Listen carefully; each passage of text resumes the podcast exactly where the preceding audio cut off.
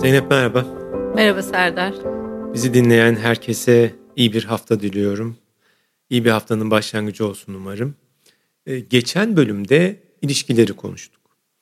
Geçmiş öğrenmelerimizin, büyüdüğümüz evlerde öğrendiklerimizin, öğrenemediklerimizin, yanlış öğrenmelerimizin ilişkileri nasıl etkilediğini, bizi nasıl partnerler haline getirdiğini, ilişkileri nasıl yönettiğimizi konuştuk ama konuşurken de sonrasında da fark ettik ki aslında bu konu çok su kaldıracak bir konu yani. Bu pilav çok su kaldırır dedik. Bugün de şeye bakalım diye karar verdik seninle. Bir ilişki ne değildir? Nasıl olmamalıdır? Hani ilişkiyi tarif etmenin nasıl olmalıdır? Neye dikkat edilmelidir gibi bir yönü var. Bir de nasıl olmamalıdır gibi bir yönü var. Bir ilişkide ne olmamalı? Bir ilişki nasıl olmamalı? Yani ilişkide aslında ne bize ve e, ilişkimize ve partnerimize iyi gelmez aslında değil mi? İlişki tanımlarının e, oluşması da geçmişe dayandığı için yani bir ses olmak istedik aslında hani e, genç arkadaşım bu bir ilişki aslında değil ilişki böyle olmaz sen böyle öğrendin ama e, bu daha farklı yaşanabilir bizden duyabilecekler diye düşünüyorum ben de. Ve geçen yayın sonunda da ilişkiye yatırım yapalım, biraz ilişkiye göz kulak olalım bu hafta diye bir öneride bulunmuştum. Umarım onu yapabilmiştir e, dinleyiciler ve ilişkileriyle ilgili biraz daha farkındalıkları artmıştır. E, ilişki ne değildir? İlişki bizim kendimizi feda ettiğimiz, diğerinin mutluluğunu kendi mutluluğumuzun önüne getirdiğimiz ve e, o mutlu olsun yeter, o rahat hissetsin yeter diye davrandığımız bir bağlam değildir. Çünkü ilişki iki kişiliktir. Onun ihtiyaçları kadar, onun beklentileri kadar bizim de ihtiyaçlarımız, beklentilerimiz vardır. Terazi gibi düşünülebilir. Ama ilişkide o daha önemli, onun mutluluğu daha önemli dendiğinde terazinin bir tarafı daha ağır basıyor demektir. Tek tarafı ağır basan bir ilişkinin de uzun zaten dengeli olmasına imkan yoktur ve uzun soluklu herkesin mutlu olduğu bir duygusal atmosferde yaratamaz. Hani bir ben bunu söylemiş olayım. Karşılıklı gidelim istersen. Benim ilk söyleyeceğim şey bu olabilir. Bence ilişki iyi hissetmediğimiz bir yer değildir. Gergin hissediyorsak, yalnız hissediyorsak, tedirgin hissediyorsak, güvende hissetmiyorsak o zaman bu sağlıklı bir ilişki değildir. Genç insanlarda, genç arkadaşlarımda bir yanlış anlamaya zaman zaman tanık oluyorum. Öyle bir ilişki anlatıyor ki ve bunun adını tutku koyuyor, aşk koyuyor. Bu tamamen sağlıksız bir ilişki. Şimdi popüler bir kullanım var ya toksik bir ilişki diye. Hakikaten öyle. Birbirlerini sarsıyorlar, tedirgin ediyorlar, taciz ediyorlar, mesajlar yoluyla mutsuz ediyorlar. Ve bunu gördüklerinde de görüyor musun ne kadar fırtınalı bir ilişkimiz var. Aşk budur diyorlar. Aşk böyle bir şey değil yani. Hı hı. Huzursuz hissediyorsan bu aşk değildir. Önemsenmediğini hissediyorsan bu sevilmek anlamına gelmez.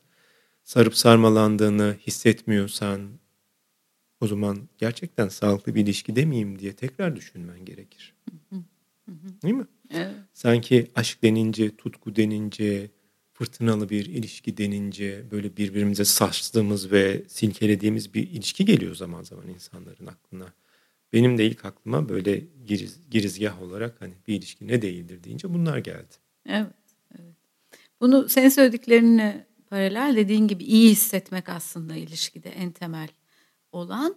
Dolayısıyla biraz da bağlıyoruz ya iyi hissetmeyi, karşıdaki kişinin, partnerin bize olan sevgisini, hani doğum günlerimizin hatırlanması, özel günlerimizin muhakkak kutlanması e, da değildir ilişkinin temel göstergesi.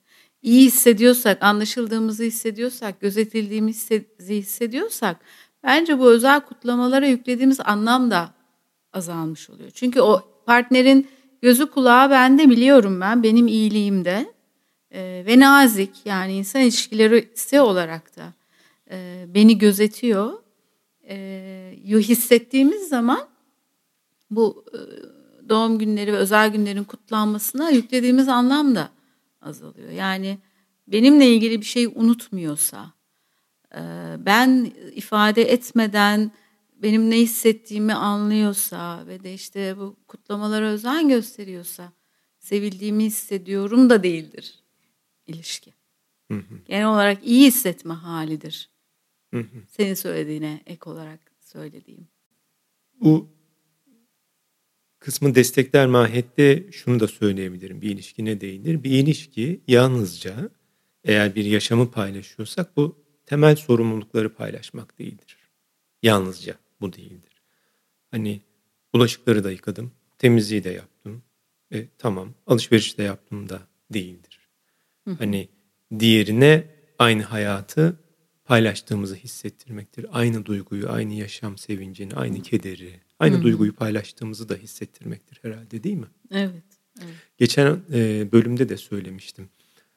Bazen duygusal okur yazarlığı olmayanlar bana şey diye geliyorlar. Hani şunu yap dedi yaptım. Bunu yap dedi yaptım. E bunu istedi onu da yaptım. Daha neden mutlu olmuyor bilmiyorum. Memnuniyetsiz bir hali var partnerimin diyor ama diğerinin hissettiği şey herhalde böyle bir şey değil. Beklentisi de böyle bir şey değil. O görülmeyi, duyulmayı, duygusal ihtiyaçlarının fark edilmesini, elinin tutulmasını, merak edilmeyi istiyor aslında. Hı hı. Bir ilişki herhalde yalnızca bunlar da değil. Hı hı. Değil mi? Evet. Burada da sorumlu olan hani kişinin bunları isteyen ve bekleyen kişinin sorumluluğu da aslında yüksek yani. Hani ilk yayında da biraz buna da değinmiştik. Ben söylemeden anlasın da değil ilişki. Madem bunlara ihtiyaç varsa eşimize de yol gösterici olmamız gerekir. Onun da çünkü duygusal engelleri var. Yani yapmak istemediği için değil, bizi e, mutlu edeceğini bile bile yapmama hali değil. Yapamadığı için, fark edemediği için, anlayamadığı için de bizim o ihtiyacımız olan şeyleri karşılayamıyor olabilir. O yüzden hani bizim eşimize de yol göstermeliyiz. Bak benim, benim buna ihtiyacım var. Yani sen mesela biz duyguları konuşmuyoruz. Sen duygularını bastırıyorsun. Senin iç dünyanda neler oluyor ben bir haberim. E, çünkü onun öyle bir öğretisi var muhtemelen geçmişten getirdiği. Ama bu bana ve ilişkimize iyi gelmiyoryu da biz söyleyebiliriz. Dolayısıyla kanlı canlı gözümüzün kulağımızın ilişkide olması da bu demek oluyor. Ne yaşıyorum? Ben ne yaşıyorum? Partnerim ne yaşıyor? Benim neye ihtiyacım var? İlişkimizin neye ihtiyacı var? Ve bunları hmm. görüp de söyleme sorumluluğu da yine bir yetişkin olarak ilişkide var olan kişiye ait. Yoksa e, küskünlükler oluyor, konuşma mı oluyor? İç dünyada çok kırılıyoruz. Karşıdaki kişinin e, haberi olmuyor. E, sonra da işte daha somut şeylere anlam yüklemeye çalışıyoruz. Hani demin söylediğim gibi kutlamalara fazlaca bir anlam yüklemeye çalışıyoruz. Çünkü bu ihtiyaçlar karşılanmadığında. Yani daha başka şeylere, ilişkideki bu boyuta da biraz kafamızı çevirmekte fayda var.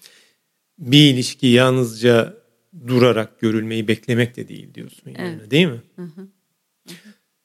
Ek olarak bence ilişkinin başlangıcından uzun zaman geçtikten sonra beden bedene doyduktan sonra ruh ruha doyduktan sonra artık nerede hangi şakayı yapacağını ya da nerede neye karşı hassasiyet göstereceğini bildikten sonra bu tutkuyu ve e, heyecanı, yüksek coşkuyu da beklemek de bence mümkün değil ilişkide. Bunu sürdürebilmek bence hiçbir adamla, hiçbir kadınla ya da hemcinsinle mümkün değil. Orada hani bunu beklemek de bir ilişki değil, gerçekçi bir beklenti değil. Artık ondan sonrasında geçen oturumda yaptığımız gibi hani hem kendimizi geliştirerek hem diğerinin ihtiyaçlarını e, merak ederek bu ilişkiyi derinleştirmek de gerekiyor değil mi? Yalnızca o heyecanı sürdürmeyi beklemek, o tutkuyu, o aşk dolu günleri devamını beklemek de mümkün değil. Bu da Hı-hı. bir ilişkide gerçekçi bir beklenti değil. Ne dersin? Hı-hı. Evet. Zaten o e, aşk kuramları da benzer bir şey de söylüyor. Yani o ilk günkü heyecanı 20 e, yıl yaşasak kalbimiz buna dayanmaz. Yani vücut kimyalarının o kadar hareketli olması, nabzın bu kadar at, atması, yani her buluşmada aynı heyecanı yaşamak fizyolojik olarak zaten bünyenin kaldırabileceği bir şeydir. Başka bir şeye dönüşüyor. Bunu biraz kabul etmek yani. Bu dönüşümü kabul etmek e, ve de burada senin söylediğin gibi o derinleşmeyi yaşayıp oradan alacağımız tatmine biraz yüzümüzü çevirmek. İlişkiler hem derinleşmediğinde hem, hem de o ilk günkü ilk günlerdeki aşk heyecan kısmı e, kalmadığında o zaman biz koptuk diye değerlendiriyor partnerler. Aslında yapacakları şey e, o ilişkiyi derinleştirmek, sahip oldukları ilişkiyi. Yani hani bir evlilik ilişkisi ise, çocuk dünyaya geldiyse, e, yapabilenler varsa ne güzel yorum olarak yazsınlar da bu çok o ilk günkü aşkın ve her zaman, her gün hissedilmesine zaten e, imkan yok. Bir de e, bu çocuğun, dünyaya gelen çocuğun duygusal ihtiyaçlarının karşılanması için de evrimsel olarak da olmaması gereken bir şey. Yani çünkü bir e, çocuk dünyaya da geldiyse onun ihtiyaçlarının ön planda olması gerekiyor ki o çocuk da sağlıklı büyüsün diye. O yüzden hani ilişkiye evrim aşama aşama bakmak ve biz ve hangi aşamadayız ve neyi yaşıyoruz ee, ve o derinliği hissedip hissetmediğimize bir noktadan sonra da bakmak gerekiyor. Şey, zaten dediğin gibi matematik olarak mümkün de değil. Hani işte adamın en dağınık hallerini görüyorsun. Sabah kalkmış, Allah'a şaşmış. Kadın böyle kafasında saçını toplamış, temizlik yapıyor haldır huldur. Veli toplantısından çıkmışlar, marketten gelmişler, yorgunlar. Yani en böyle görülmek istemediğimiz durumlarda görünüyoruz. Yani her zaman böyle tiril tiril değiliz ki mümkün değil yani. Hani bunu zaten matematik olarak sürdürülebilirliği mümkün değil ama orada e, özellikle sosyal medyada sürekli pompalandığını gördüğüm bir inanç var. Sana değer verilmiyorsa orada durma. Aşk yoksa buna tahammül etme. Heyecan duymuyorsan oradan hemen uzaklaş. Sana değer vermeyen biriyle ya bence ilişki böyle bir şey değil yani. Hani tabii ki değer görmüyorsan, güvende hissetmiyorsan orada durmamalısın ama yüksek bir e, ya da yüksek demeyeyim ama farklı bir beklenti pompalanıyor orada. Yani aşk sürekli heyecan içinde böyle yürek pırpırı içinde olduğumuz bir şey değil. Aşk dostluk demek aynı zamanda. Hı hı. Aşk yıllar geçtikçe, bedenimiz deforme oldukça, ağırlaştıkça, kusurlu bir hale geldikçe bu ilişkiyi sürdürmek demekti aşk aynı zamanda. Aşk türlü virajları, türlü kazaları, türlü problemleri aşarak ilişkimizi derinleştirmek demek. Aşk baktıkça heyecan duyduğumuz, e, gelişmelerini merakla, umutla beklediğimiz çocukları büyütmek demek. Aşk geçmişe bakıp da ya hatırlıyor musun şurada nasıl sorunlar yaşamıştık, nasıl da üstesinden geldik, ne tür zorluklar yaşamıştık, nasıl da baş ettik diyebilmek. Aşk geçmişe dönüp ders çıkarabilmek, geleceğe bakıp umut besleyebilmek demek. Şimdi biz seninle 30 senedir beraberiz. Ben 18 yaşındaki heyecanımı hissetmiyorum tabii ki. Keza sen de. Öyle Ama bence çok daha anlamlı bir şey hissediyorum evet. yani. Karşımda benim sonuna kadar güvenebileceğim, hayatı paylaşacağım. Dara düşersem aklına danışabileceğim, bana yol göstereceğine inandığım, ahlaki standartlarına güvendiğim biri var. Ha bunu bazen şakasını da yapıyorum ya Zeynep'ten ayrılsam herhalde ne kadar üzüldüm gidip Zeynep'e anlatmak isterim diyorum ya. Zeynep öyle üzüldüm ki ya. Mesela bence bu 18 yaşında hissettiğim o tutkudan, aşktan çok daha derinlikli bir duygu. Bence ilişkide bir hedef böyle olmalı. Zor günlerde sabır göstermek, diğerine destek vermek ki ileride ha benim yanımda biliyorum diye buna bir inanç geliştirmek. Aşk budur. Aşkı diğer türlüsünden böyle bir hırçın, yüksek, fazlaca heyecan dolu, fazlaca enerjik bir hale getirmek de bence aşkın anlamını küçültmek oluyor. Aşk öyle bir şey değil yani. Hı hı. Aşkın içinde dostluk da var. Aşkın hı hı. içinde sabır da var. Aşkın içinde inanç da var. Güven de var. Umut da var. iyimserlik de var. Hı hı. O yüzden hani aşk yalnızca fırtınalı bir ilişki demek değildir. Hı hı. Aşk şimdi sen senin konuştuklarına zihnimde çağrışan Orada biraz kalabilmektir yani ilişkide kalabilmektir. O ilişki dalgalandığında da kalmaktır. Karşıdaki kişi zorlandığında da kalmaktır. Çünkü genel olarak bu son zamanlarda her şeyi yeniden inşa ediyoruz ya. Yeni bir sen ben inşa ediyorum. Yeni bir sen inşa etmek istemez misin? İşte orada değerli hissetmiyorsan durma. İnsanlar, bireyler kendilerinde kalamıyorlar. Oldukları gibi kabul edip kalmak demek ilişkide kalmakta zorlanıyorlar. O yüzden böyle e, ihtiyaçlarım karşılanmadığında, değerli hissetmediğimde ya da bazı şeyler bana zor geldiğinde orada bırakıp gitmek de bu derinlikli ilişkiyi yaşamamız önündeki engel oluyor. Yani o derinliği yaşayabilmek için orada biraz durmak, ilişkide kalmak bu da bir beceri yani. Özellikle dürtüsel tarafı güçlü olan kişiler, dürtüsel çocukları güçlü olan kişiler e, ilişkide kalmakta zorlanıyorlar. Zaten kendilerinde kalamıyorlar. Bir yerde kalamıyorlar. Kıpır kıpır bir haller oluyor. Bu da kimyasallarıyla ilgili nörolojik bir temeli de var. Ama bu onların ilişkide kalmasına da engel oluyor. Bu onların haz odaklı olarak ilişkileri yürütmesine neden oluyor. Sonrasında da iliş, aşkı, ilişkiyi haz ve tutkuyla tanımlıyorlar.